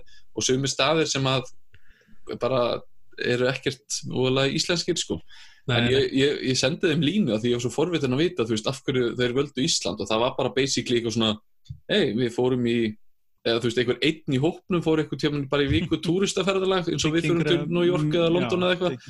Og voru bara wow cool. Og það bara endaði leiknum einhvern veginn. Já, þannig að það var- ekki merkilega það. Já, maður sér það einmitt ef maður til að skoða myndefni Já, ef maður skoða myndir, screenshot, þá sér maður alveg þetta er mjög íslenskt, en, en hérna, á en leikurinn sjálfur er ekkert eitthvað frábær, sko. Hann er ekkert svona, hann er bara alltaf læg, hann er, þú veist, ég og dætu mínu voru svona skiptast á að einhvern veginn að spila hann og, þú veist, alltaf læg og hoppi hann á og til, en þetta er ekkert, spilast vel eða svona, já, þú veist, svona, hann var svona leika ferfalling já, og þetta leika Já. svona ferfalling svona, hann hann var svona fallegur á köplum en hann er svolítið klökki og það voru svona uh, svona tæknileg atrið í honum sem maður þurft að laga og ég held að það sé búið að laga það núna en einmitt, þetta er bara svona allt í lægi leikur Já, ég meina, ef þú pikkar hann upp kannski á réttu verði, þá getur Já. hann mjög að spila hann kannski. hann er ekkert vola eftirminnulegur nema út af því fyrir mitt leiti er að hann sé að tengjast við Ísland það er eina sem að það gera hann grípur maður eftirminnilegur. svolítið svona, maður svona, eða fær svona, maður er svona áhuga, byrju, út, Já, ég meina, Já. það eru sem í leikin, en það út af við erum ekkert mjög mikið varfið okkar land sé notað í kvikmyndi með öðru efni, svo alltaf þegar maður sér eitthvað notast við, þá er maður eitthvað maður er betur eins og Jötunleikurinn sem ég spilaði, já. sem er á íslensku allir leikurinn. já, voru ekki íslenskir eh, leikar að talsetja það Jú, jú, það var ekki þrýr. Jú, það var mitt málið, það var mitt, ég fjallaði með leik. það Og ég talaði við fyrirtæki sem gerðan, það eru kanadískir einmitt. Ok, Mér fannst mér, ég var mitt forði, ég sendiði mér mitt skilabóð vegna þess að ég bara, þú veist, ísla, leikur á íslensku, með þess að viðmótið og allt saman var á íslensku. það er mjög töff Og maður er alltaf bara, ha, tölvuleikur, svona? Þú veist, það bara, já. Og þannig að þeir gerðu líka síðan leik sem góði í fyrra sem heitir að Sandard sem er svona. Metroidvania leikur En jötun sko, leikurinn sjálf var mjög einfaldur, þetta er bara svona hakinslas og leikur, en það sem var svona forðandu en var auðvitað íslenska góðfræðin, eh, norræna góðfræðin fyrir ekki, mm. og hann var á íslensk og það var svolítið sérstakt bara alltaf eins og íslensk nöfn og actually rétt sett að íslensku, ekki svona bandarísk út á íslensku eins og stundum að sér sem er bara, já, Svo í Vikings þáttunum með eitthvað. Eða bara brandarinn eins og horfir á Skyrim og alla þessi leiki, hvernig þeir taka beigingar, mér er gott að voru klikka á þessu líka, beigingar hvernig þeir segja, dauður, kaupmaður og allt þetta dót, hvernig er, þú veist þetta er ekki rétt. Eða þú veist, þannig að draugar og draugur og eitthvað svona Þess þú eitthvað svona eng- ég er síðasti maðurinn til að vera. Nei, mér finnst bara svona skondið hvað er gerir mistökin í og ekki, sko. Já, já. en þetta er bara, flesti taka ylslega ekki eftir þessu en við ylslega erum mér líklega að taka eftir þessu en aðrir. Jú, jú, Já. það er rétt. Það er hérna annað okay. að öðru leiti, það er hérna kom út uh, VR-leikur uh, leikur sem við erum allir spennt leikur leikjana Half-Life 3, ég menna ekki 3 heldur uh, Half-Life Alex. Þú veist að þrjú er ekki tala sem er s- s- sögð þjó val. Þú veist, Nei, það þrjú er- það er ljótt bara orð Já, Nei, hvað, þeir hérna, ég las hérna, eða las ekki, jú, ég las hérna þeir púpistir þeir voru að, maður getur svona ít að make a sense og samt svona, þeir segja sko að þeir hafa verið að nýta, notast við Valve, Half-Life sérina, hann að segja, notum við hana til að drífa tækni áfram. Það er, og, og þeir gerðu það náttúrulega með 1 og 2 og svo það þegar er gerðu lengi vel sagt um þetta ástæðans þegar ekki í leikar þeir eru betur einhverju Veist, bíltíðin gendur hann- tækni. þannig kemur Half-Life Alex, þannig að ok, þetta make a sense og þeir segja hætt, hafa hætt við þrjú að þeir voru að bæði þeir voru, þeir voru að gera Half-Life 2 þá voru þeir að búa til hana grafíkvinna Source 2 á saman tíma og hérna það hefur bara verið overkill fyrir þá á þeim tíma veist, er já, svona, já, en hvað er mörg ár sem það var? ég, segi það nú, ég er bara já, veist, ha, veist, hvað, já, þið náttúrulega erum með Nei, það er einn og hálfu áratugur sem það var en allavega, við erum að tala um Half-Life Alex og ég held að enginn af okkur er á Nei, þetta Við fáum bara fallengur núna. Ég á VR-græðu sko í Playstation, en þetta er bara á við PC. bendum á, við bendum á styrtareikning fyrir Já. fát, fátæka akkurat. gaggrindu Nei, við óskum eftir, eftir einhverjum til að, að retta okkur svona segi það. Við, skilum tilbaka. Já, okkur, langar öllum að pröfa þetta það er mál, okkur langar öllum að allt sem ég séð þessu leikir er mjög spennta þeir þessi ný nálgun mörguldi í VR-leiki sem hefur ekki endilega verið áður Já, og svo líka bara, þú veist, já, veist, ég, jú, þetta komur óvart, þannig að fá alveg ný, meðaltali 9,1 held ég. Já, Já, Já, sko, þetta er nefnilega svakalegt. Á Metacritic er hann fór 9,1 í user score af yfir 1000 ratings og Já. Já, á, sem sagt, fyrir uh, metascore sem er sem sagt tekið af gaggrindum, þá er hann fór 93 af 100 eftir Já, 40 ég er að segja, ég, ég held að segja fyrstu leikur sem er svona það sem jafna í þessum metaskora users Já, og, já, og svona rosa háttur VR.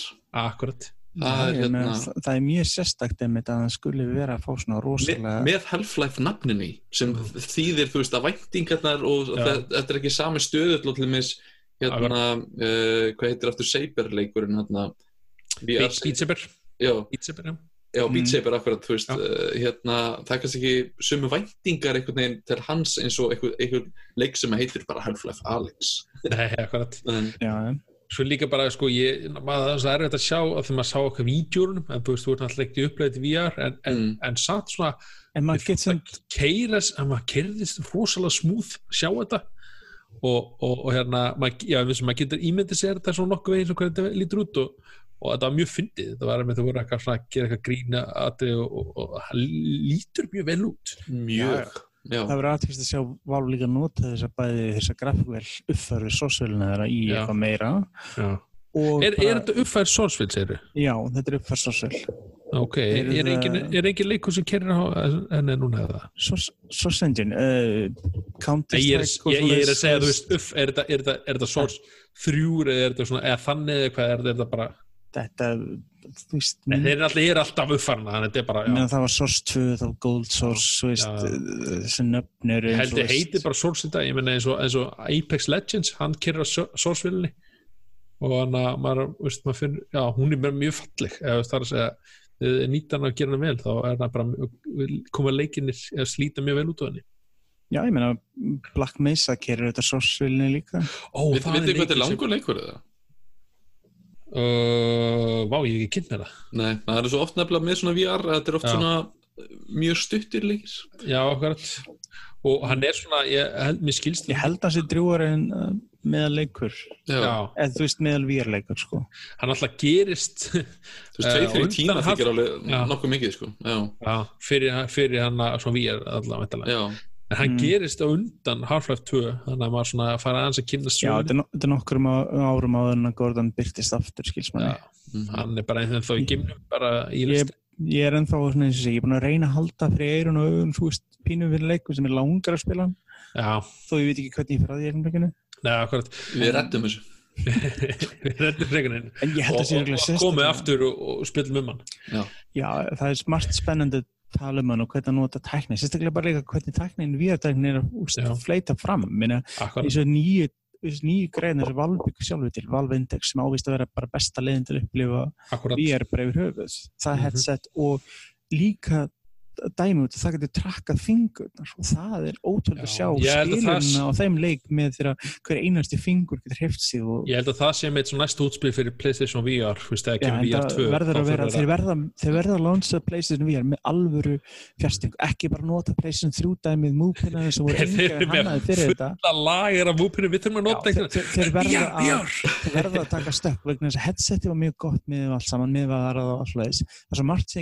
og sem þeim, þeir launchið ekki með neina neina fjastringar, eitthvað í hendunum og það vantar bara það. myndavel sem þau hana, hana, voru með nú þegar sem launchaði með vélinni og fólk hafði aldrei notað henni viti sem bara allt í henni ég, ég, sá, Ég- ég var að sjá leka hérna um að eh, Apple væri eh, líklega að skoða AR græðu Já, ég, það er búið að vera svolítið umræðinu svolítið lengi sko. já, það, Þeir- það var svona að vera að gera með hana? Það er sem í staðfesta það er bara flott að fá allir þessa stóru rísa í þetta því, að því þá eru me- meiri líkur á því að að koma eitthvað út úr þessu. Þetta verður ekki bara enn annar verður ekki bara enn svo unni tækni sem að fyrir í, í fristein sko. og Nei, þegar Google byrjar á einhverju og dreipur það sem ég, ég, hugsa, ég hugsa VR sé mun af því þetta er svo, það hefði prófað VR, flott VR og svo, þetta, þetta, þetta er einhver heimur sem er bara, ég veit það, sem er bara, þú veist, er bara ekki nóg mikið, það kostar svo mikið pening að framlega leiki, þváttar, ekki, ekki bara ef ég er græn, heldur bara framlega leiki en svo seljast þeir ekki, skilja, þetta er bara svona einhver þröskuldur sem á eftir að komast yfir.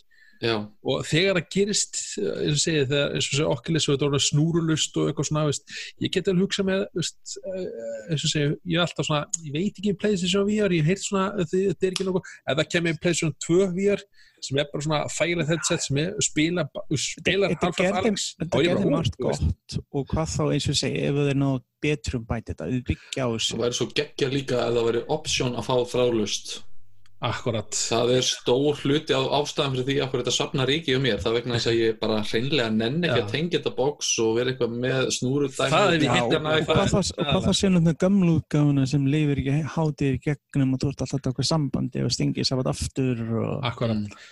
Það er með það sem ég hef heyrt að það er svona, þú veist, fólk bara, eh, hérna er ekki að tengja þetta, þú veist, er ég að fara að, þú veist, ég er, þú veist, En, en ef, maður hefur prófað, þú veist, flott VR, að því ég myndi ekki segja að PlayStation VR væri nei, nei, svo það upplifur, það en ef maður VR já, ef það maður ekki svona besta. flott, flott VR, að þá, það- þú veist, þá er maður að upplifa eitthvað sem maður eh, getur ekkert líst, sko. Nei, Þetta ég verður að segi, prófa. maður tók eftir Akkurat. þegar maður pröfaði Playstation VR og Oculus og allt þetta pröfa, ég maður pröfa þessar þrjá útgáður sem voru til tók er líka, alveg- Já, og HTC var haldið besta já, samanlega, best. hún var mjög Já, góð, sko. best og núna hérna- skilst mér að Valve Index sé þar Ég hef ekki prófað, prófað hana. þeir Já, segja ég- endalega er það mjög dýrt. Já. HTC Valve er HTC Valve.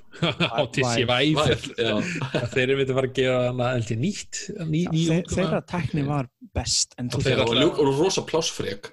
Já, Já. plásur, það er það skrúi yfir náttúrulega veggi og, og, og ykkur svona myndavellar og, og skinni maður hangir alltaf draumnum að þetta verði eins og í Ready Play One þú veist, Já, hvað er sem ég er að hugsa þú maður? veist, þú veist, komin í haptic feedback og þú veist, í- Þetta verður eftir koronavírusin, þá bara verða allir hérna í ykkur efnesrústi og húsin tóm og allt í já, Hendum okkur VR-setti þar sem að heimurinn er hérna, more meaningful than the real life. ákvæmlega ég, ég er einmitt að lesa bók núna sem gerir, segir frá personum sem taka þátt í nýjum tölvuleik þetta er nokkar ára til, sem er með þú bara leggst inn í einhvern svona Matrix pod og síðan er þetta að spila leikinn bara og ert bara inn í honum. Það sem er komin real, fotorealistik tölvuleikur, fantasyleikur. Vá, Þetta myndi En- mig á, já, eh, sorry, ég ætla ekki að grípa fram í Eh, ekki mál, og aðeins þetta byggir út á svona þessum hugmyndum eins og Ready Play One og fleiri og þetta byggir að fólk bara er í heimnum og búi þar í staðin fyrir þú veist þetta byggir á hafið þessi myndina Litríu. hérna myndina Existence. Já, það var til að myndin. um hana sko. Krónuberg myndin, er einmitt að tengja tengja sér. leikjatölvuna við hrygginn eitthvað og gaf, inn í og leikjaheimin og líka formið á bissunum og allt saman kjúklinga, beina, bissa og eitthvað. E, eða bara Lawnmower Man af þeim tíma. Það var gamla VR-dótið þú veist, Já. 90s eins og það, og VR er eins og segir, við erum búin að, maður er búin að hugsa um VR í nokkra áratíu, en lóksins núna finnst mann þetta var að koma um einhverja siglingu það sem er, já, já, maður er vonandi að haldi áfram að þróast Já, og það er stökkinn. gera það, það er svona, þetta er svona tekni sem manna bara þarf að komast einhvern veginn yfir, einhver verðfjölsköldur eða eitthvað hún annað og þarf, hún þarf bæði að ná þessu mainstream appeal það er með það, já. Akkurat. það má eiga það, þú þú sagt Martin Playsin VR en hún er fyrsta VR-dæmin sem var að Það náða mun að ekki gerast seljast fyrir í að einhverju Nintendo er komin inn í verka. Nei, já, með pappakassa þeir eru nú þegar búin að- þegar leika þann leik það virkar akkurat. svo vel eða þannig þeir prófuðu. En hérna, já, þetta var uh, meira VR, Já. því, eins og segja, en já, tala um Efra- Nintendo þú, þú varst að með eitthvað um Nintendo ekki? mikið rétt, mikið rétt. ah, svo Animal Crossing sem er held ég eitt sölu besti, sölu mesti sölu, hæðsti sölu hæsti uh, Switch leikurinn bara frá ég ætla ekki að segja upp að við en allavega, hann, hann búin að selja spövel segjum það bara frekar. Uh, af því það er eiginlega ég ekkert búin að koma út frá Nintendo þessu ári og maður er með svona hvað við að spila og fólk það var mjög sérstakur dagur að Doom Eternal og Animal Crossing og koma fólk sama með dag. svona veist, já, já, ég, hérna, ég er búin að kafa í Animal Crossing. Þetta er hérna hvað vil ég fá að vitum? já, bara hvernig, hvað átt að gera í þessum leik? Nei, ég vil bara teka Daniel, hvað skuldar Tom Nook mikið pening? Uh, núna 98.000 bjöllur Aha, aha, og veit konan að því hvað skuldar hann mikið og ert búin að finna leið til þess að greiða þetta Já, ég, ég, er að, ég er að veiða og ég er að veiða hérna bæði fisk og ég er að veiða hérna Mm. bjöllur og ég er að veiða fyrildi og ég er að selja Aha. húsgögnu mín og svona. Aha, Ok, sem sagt, er það leikur þetta, þetta hljómar eins og spilafíkn eða já, okkur vandamál. Já, Tom Nook, þetta er svona, eins og segja, er, þú, Lone Shark in Tom Nook. Þú færð sem sagt hérna einhvern miða á einhvern eigu sem er eitthvað svona, ekki paradís heldur svona, þetta er sagt eiga sem er svona búið að uppgöta og, hana, og fólk vil fara að búa á henni. Þú, þú vinnur svona miða, þú lettir lotto henni, þinn karakter. Þú býr til þína ein persónu mjög einföld ég held að það sé bara eitthvað fimm mismunandi útgjöfur af, af hári eða, eða þú veist eitthvað auglitur, eitthvað svona dót og svo bara komið þína persónu og þú er komin að eiguna og já þú færð tjald til að byrja með í leiknum.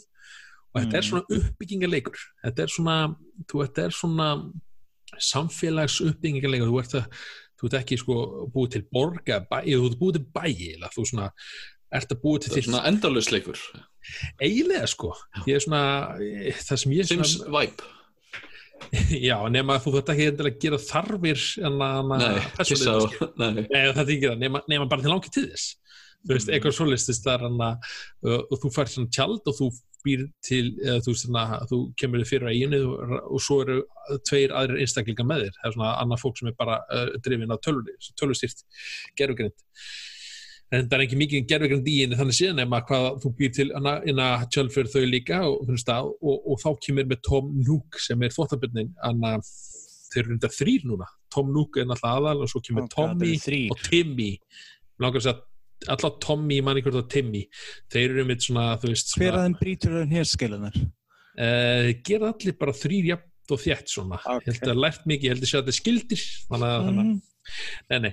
og hérna þú, hérna, þegar hérna, Sveit nefndi hérna, veist, hvað skuldur Tom Nook mikið uh, það kemur mitt svona ég veit að það kemur svona kapli í leiknum og hann segir þér hérna herðu, uh, viltu ekki uppfara tjaldið og búið hérna í húsi? Já, ok, allt góð herðu, jú, ég get gert það fyrir þig en, en það mun kostaði 98.000 bjöllur eða heitir bells. Hann sagði, leikur, hann að tjaldið er leiksins allt í góðu og ég, maður ma samþykir það og, og, og svo hérna til að svo býr, fær maður upp, uppfæra hús sem stækkar sem sagt hérna, hérna húsitt það er að segja innandira húsið er alltaf stort en, en, en allt í náttúrulega komið stærra pláss innan. Þá getur við að ræða rúmininu og fataskápnum og þetta er bara svona, þetta er svona einmitt þú sagði Björki Sims vibe eitthvað svona, þú ert svona innrétta hérna hana húsið og það held ég gerir ekkert nefn neitt sérstakt. Uh, þetta er svona, þú veist, þú getur ekkert eldað ekkert svo í viti, þú veist, þú getur kannski skraut bara. Er bara skraut, algjörlega sko. Og hérna, og þú, þú, þú, þú getur ekki eins og sofið, þú bara leggst í rúmi og hann svona er svona sofið, ég held að það er bara svona það taka myndir, props og annað. Og, og, og svo getur kveikt á útöpinu og svo ferður þú út. Og það er mitt sem leikur snýstum og, og þá ertu orðið nú stór skuldur 98.000 önna bjöllur Býta og ekki að fara í töluleikin til að flýja veruleikan eða? Er bara að þannig að gera skattaskíslunum fyrir tóminu Sett þetta alltaf Panama. Já, ég er ekki Akkurat, ég er ekki komið það lág en allavega, svo, svo, svo snýst leikur það að þú ert að safna pening og, og þannig til að þá, þá fangar að bjöllur að veiðir hérna neti, hérna svo svo dýr og, eða fiska eða hérna veiðstung og selu það síðan til hérna Tommy og Timmy. og þeir hérna gefa bjöllur í staðin og þú hérna sagt, ser, gefur hérna, leggur hérna lánit til hérna Tom Nook og, og, og, og þau eru búin að greiða lánið er, Ertu búin að byggja um frestun út, út á ástandinu? Á, á... ég hef ekki ennþá þurft að gera það en þannig að líka við en nei, ég er búin að skrúpa í vinnuna minna svona í real life til að geta borgað tómnúk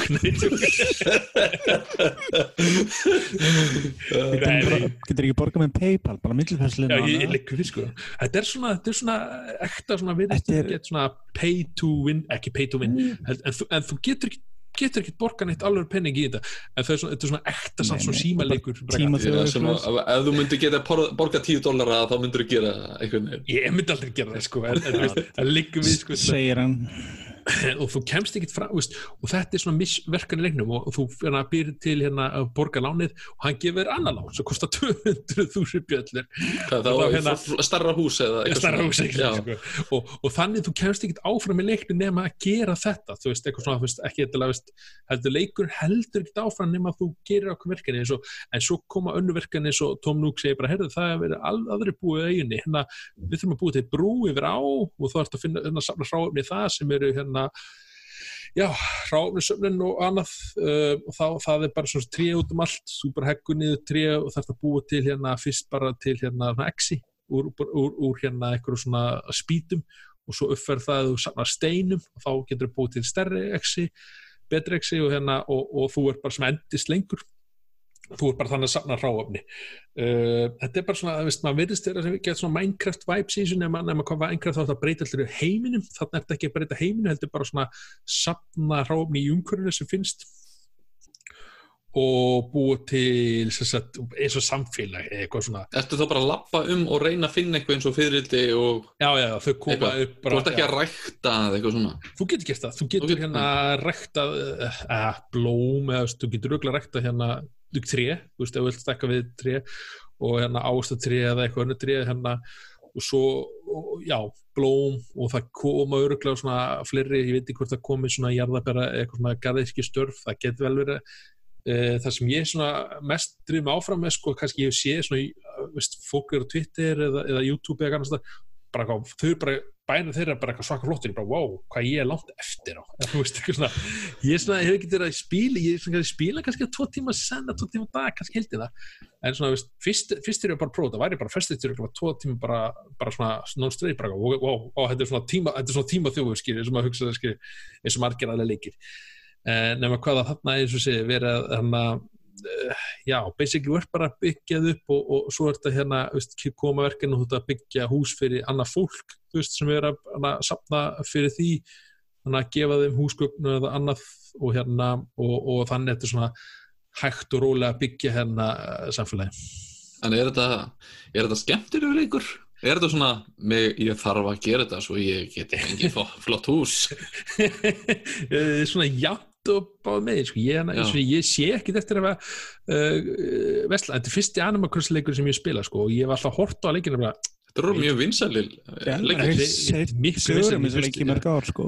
Ég hugsa, ég hugsa bara svona ég er ekkert fyrir mig ég er, veit ekki, eða það er að koma hérna að selda og animakursleikur saman tíma það er ekki að gefa sér séns en það er bara svona er ekkert að koma fyrir Nintendo Switch og ég bara, já, bara prófum þetta skilji Ég hef aldrei spilað þessa leiki en ég datt inn í Stardew Valley fyrir einhver síðan Já. PC Já, þetta Sem er leikur mér- svolítið á hann. sem er auðvitað byggir rosalega mikið á það og er höfðað til sama markop algjörlega sko ég, var reyndið að eftir að spila Stardew Valley en þetta er einmitt svona ég held að Chill leikur.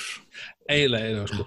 og stundur svona hóf mikið chill eða svona, ég var svona var einmitt að sapna í dag og, og mannst verkefni mitt er bara að sapna pjöllum og, og, og sel, veist, veist, maður var bara að veiða fisk og var að gera veist, og, fanga dýr og svo hana, fór maður og seldi það og fekk kannski svona 10 til 16 sem bjöllu fyrir þetta, ah, gerði aftur og ég var svona, æ, ég nenni, ég gerði aftur þriðasind, þú veist, það er svona ég, ég, spurningin hvort að maður dettur í því ákveðna ringra og sagði ekki Já, sko. ég, lík, ég get vel verið að sé- spila leikin eitthvað svona vittlist líka, þú veist, ég var eitthvað að spila, að tala að vinnufélagi minna, hún, að- hún sagði mér eitthvað, já, ég að búið til húsgagn og bara selja hluti, bara, ó, ég fatt það ekki.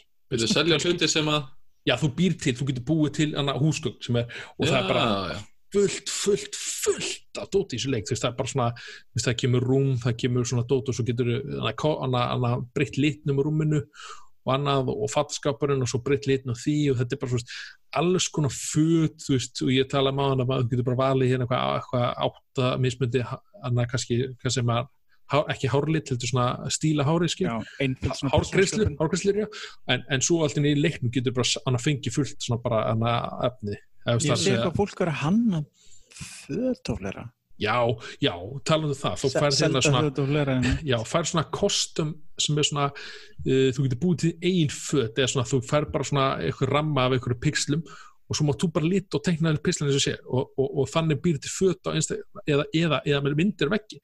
Og maður sé svona fólk svona, úst, bara, veist, þetta, að þetta verður með mjög bara svona mikil svona ekki segja, jú smáadrið, þú veist, það er bara, maður bara, wow, maður séu sér það strax að þetta sé kannski Freddy, í, þú veist, mynda honum vegnum, þú veist, þú sér Mm. spilar ykkur um og, og það er alveg, já, mjög töff hvernig það kemur út, ég er enn eftir að komast í þann part, ég held ég sé svona á þeim svo, en, en ég alltaf verið, myndi verið að tekka screenshot af svona einhver, þú veist, á netinu, maður sé bara, ó, mér langar þetta, mér langar þetta, þannig að tekja screenshot, ég held þú getur líka að skanna með QR-kóða og fengið sendt efni sem aðrir, aðrir hefur gert og, og til, Mm. inn, inn, í, inn í þér, þannig að þú getur alltaf svona Er eitthvað svona online dæmi í þessu? Já, þetta já, offline? Já.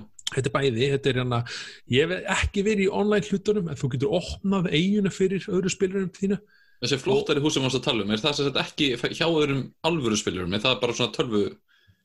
flottar hús Æ, ég varst að tala um, þú veist, Tom Nook já, sem alltaf að næsta lán, þá voru það 200 Já, björnum. ég, nei, nei, nei, það, það, nei, það, það, það er þitt hús, þú bara uppfærið þitt hús Já, já, já. þess að það gerir svona aðeins þú fær bara stærra ploss innan dýra það er að segja, veist, fyrst Mm. bara, varstu, varstu bara með sko, svona 16 sunnum 16 eitthvað svona til að færa húsgögnin, nú eru komið kannski 30 sunnum 30, þú veist, svona space já, já, já. þannig að allt er komið stærri húsgögn og eitthvað svona já, og hérna þú ert alltaf að búa til öll verkvæðin það er veiðstöngin og það er hana, nýjast að var stíi stíinu gefur verkum að ég get klifur upp hæðir sem ekki, hana, hana, komst ekki upp áður fyrr og það er kannski grjót og, og, og talandu grjótin þá var einmitt svona, ég fatt ekki hvað þetta gera þess það kemur leikurinn svona, kynir ekki beint hvað ránin er að finna. Og, þú finnir grjót þá er þetta að berja átta sinni, eða getur bara grjót átta átt sinni og það gefur hann hvort klei sem er leir eða hérna eða, eða já, eða, eða stein einhver annarkvort random. Og, og, og, og málið það að þú berði í steinin og hérna og þú kastast alltaf svona aftur veist, með að berja steinin og þú ert að reyna að berja í steinin eins oft þú getur á þess að svona á þess að þau reyfa kallin, ég veit ekki alveg hvað þið skiljið mig, ef ef þið reyfi kallin þá getur ekki fengið hráni aftur steininu þannig að Mm. það er ekki að búið til leiðir búið til hólur svo kallin just, færast því aftur svona, þetta er svona veist, ve- veist, og ég vissi þetta ekki fyrst ég bara, veist, ha, Ertu ertu ekki liggjandi á wikinu og svona fyrir svona leik og bara svona ligg við, en ég hef svona verið að tala með vinnufélag og þá er svona, ég hef svona verið að fatta ah, ok, ég skil núna. Og svo getur farið á venna, mystery eigur eins og hvað er kallar, þú getur farið þú, þú ert að borga Tom Nook penning til að komast hann einhver gangster eða hvað? Það er til margir góði brandar um Hann Tom á Nook á þig. interneti Já, Hann er margaði mitt hann er, hann, veist, þetta er svona, þetta svona mím á internetinu er bara til Tom Nook er bara, svona, ég gefur alltaf lán, og þú ert bara alltaf stór skuldur og hann er bara, þú veist, þetta er bara þú veist, og ég getist ekki fyrir núna að bara, eitthvað, já, ég er til að gera hús en vistu það kostar 200.000 bjöllur En, uh, eins og ég tala við vinni félag minna já, ég komin í 500 þessu skuld, ég bara, óh, byrjar þetta áfram. Og ég held að markmiði leiksins er ekkert nefnum bara, þú veist, að að búa til flott veginn svona eigir veginn svona að þú getur gert þetta eftir þínu stíl og, og gaman að fólk er líka svo mikið að taka myndir í leiknum, ég held að það sé ekki mynd fyrir mig. Fólk er að taka myndir í leiknum og, og að gera eitthvað svona þeba Já. og setja á net, netti, ég er bara eitthvað ok, þetta er ekki að cool, en Ég hef aðeins góðið mynd að reddit með startu veli mynd svona svipa og það er með ótrúlegt að sjá hvað fólk hefur eitt miklum tíma þar að búa Já, ok. til uh, heiminn þar og persónu þeirra og já, En það er rosalega næst samstundum að fara í svona svona leiki, svona afslöpunarleiki af því það er svo ofta eitthvað svona doom, hasar, læti, brjálæki Já, eða eitthvað. Stundum er þetta anstæðan einmitt, Já. þetta er ástæðan að fólk spilar Sims eða svona strategileiki eins og svona, borgarhermi eða eitthvað sitt skælans eða annað. þetta er algjör andstæða þetta er mjög afslöpandi oft En talandi, en talandi um Sims, er eitthvað svona að því er svo margir sem ég þekki sem spila Sims sem að spila, myndi ekki spila Sims ef þau myndi ekki þekkja máðurlót svindlið sko. Er eitthvað svona svindl í þessu fyrir bara svona, hei, nú getur fengið 100 spjöllur hérna. ég held ekki, nei en, Nei. en, en, en Það það var að vinna fyrir þessu. Já, en það var eitthvað svona eh, ég var ekkert að grafsa því það var svona greiðlega, Nintendo reynda að gáfa út plástur fyrir það, þú gast hana fjöldaframlega hlut einhvern veginn það er alltaf einhverju glitsi með svindl, já, með bylla sem bara Já, en ekki svona viljandi svindl. Ekki Nei, svona eins og nei. máðurlót, nei. Nei, nei, nei. Ég, sé, þetta er, veist, ég held að myndi vægi leiksins einhvern veginn þá er svona, ég veit ekki ég skilið Sims af því að það er svona, er, er svona búið þinn kalla veist, og þannig og fjölskyldu og gera eitthvað svona flott og ríkt hús en þú náttúrulega getur ekki búið til húsið þarna þannig ertu bara svona, þarna ég held að myndi ekki svona að leikurinn er freka fljótt þreyttur en en- skorður aðeins og talandi um annað, þá eru verslanir í þessum leik og leik, já, leikurinn hann gerist svona sama ást, ástíðar og, og þú í rauninni í raunveruleikanum sko.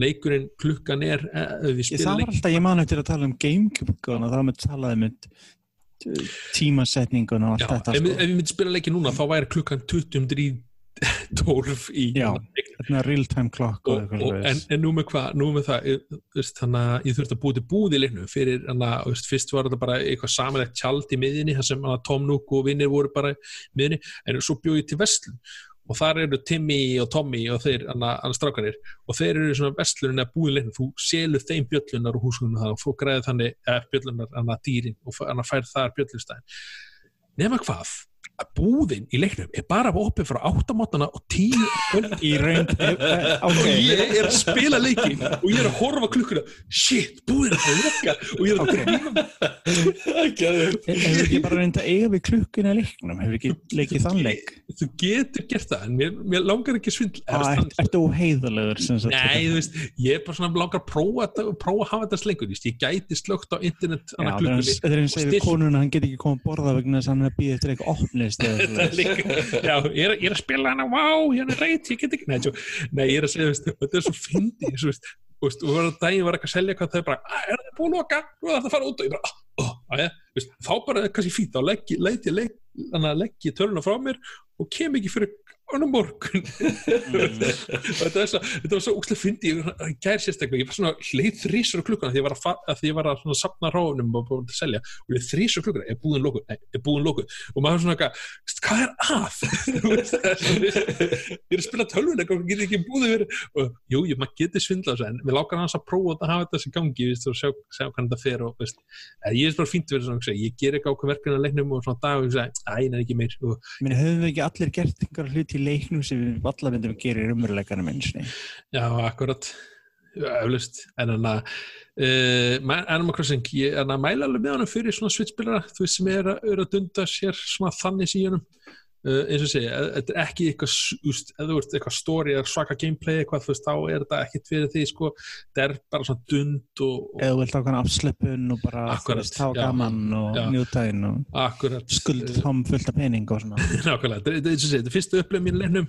Uh, ég myndi segja vera svona á skalum uh, það sem ég prófa, ég get komið það langt en sérstaklega ég horfa á aðra spilar en bara, hvað hann er sé bara hvað hann er komin langt að því bara svona, að bara ungi síðan bara er bara svona, bara, wow, þetta er ekki komið á mér, þú veist svona stærra hús eða, eða, eða þessi tegunda girðingu eða, eða, eða vegir frammi milli húsa. Ég held ekki bara til að sínar alveg eins og í, í, í raunveruleikan þá er alltaf einhver undan þér sem á meiri pening og allt svo leiðis. Ætli það ekki. Ég er þeir, kannski er leikurinn að kenna einhver leksju, hvað veit maður, skilur? En hann, hann fær svona meðmæli hjá mér, uh, já, myndi eins og segi, þetta var svona 8-5, þetta er svona, ég held ég að sé að fá svona 8-9 í meðleik. Það er nú mjög gott. Já, Já, en hvað fær Tom Nook mikið einhvern sem lánudráttiðinn? eins og segi, hann hefur að um hann hefur verið góður hingað til Er ekki háir vextir og, og svona? Nei, nei, ekki þetta veist, Eh, veist, já, á eflust eftir að vera að býta, að eh, fastar í mér næst eins og segi, ég hitt að vinna Það Hljóma gaman- svolítið stressandi samt. Já, ég meina ímyndaðir þætti 8, 9, 10 þegar við erum að skoða skuld Ég get ekki ekki eftir okkar ég þarf að ná í bjöllur. Já, bú, loka búðinni, hvað ég að gera? Það voru ekki björk einn með bjórin lengur, ég held að Daniel verið með eitthvað sterkara eða eitthvað, hann verið bara, þú veist, Strákar, skal, slá, ég skal slá hjá grasi fyrir bjöllur. Akkurat, En það er snjór, alveg saman, ég skal sann slá.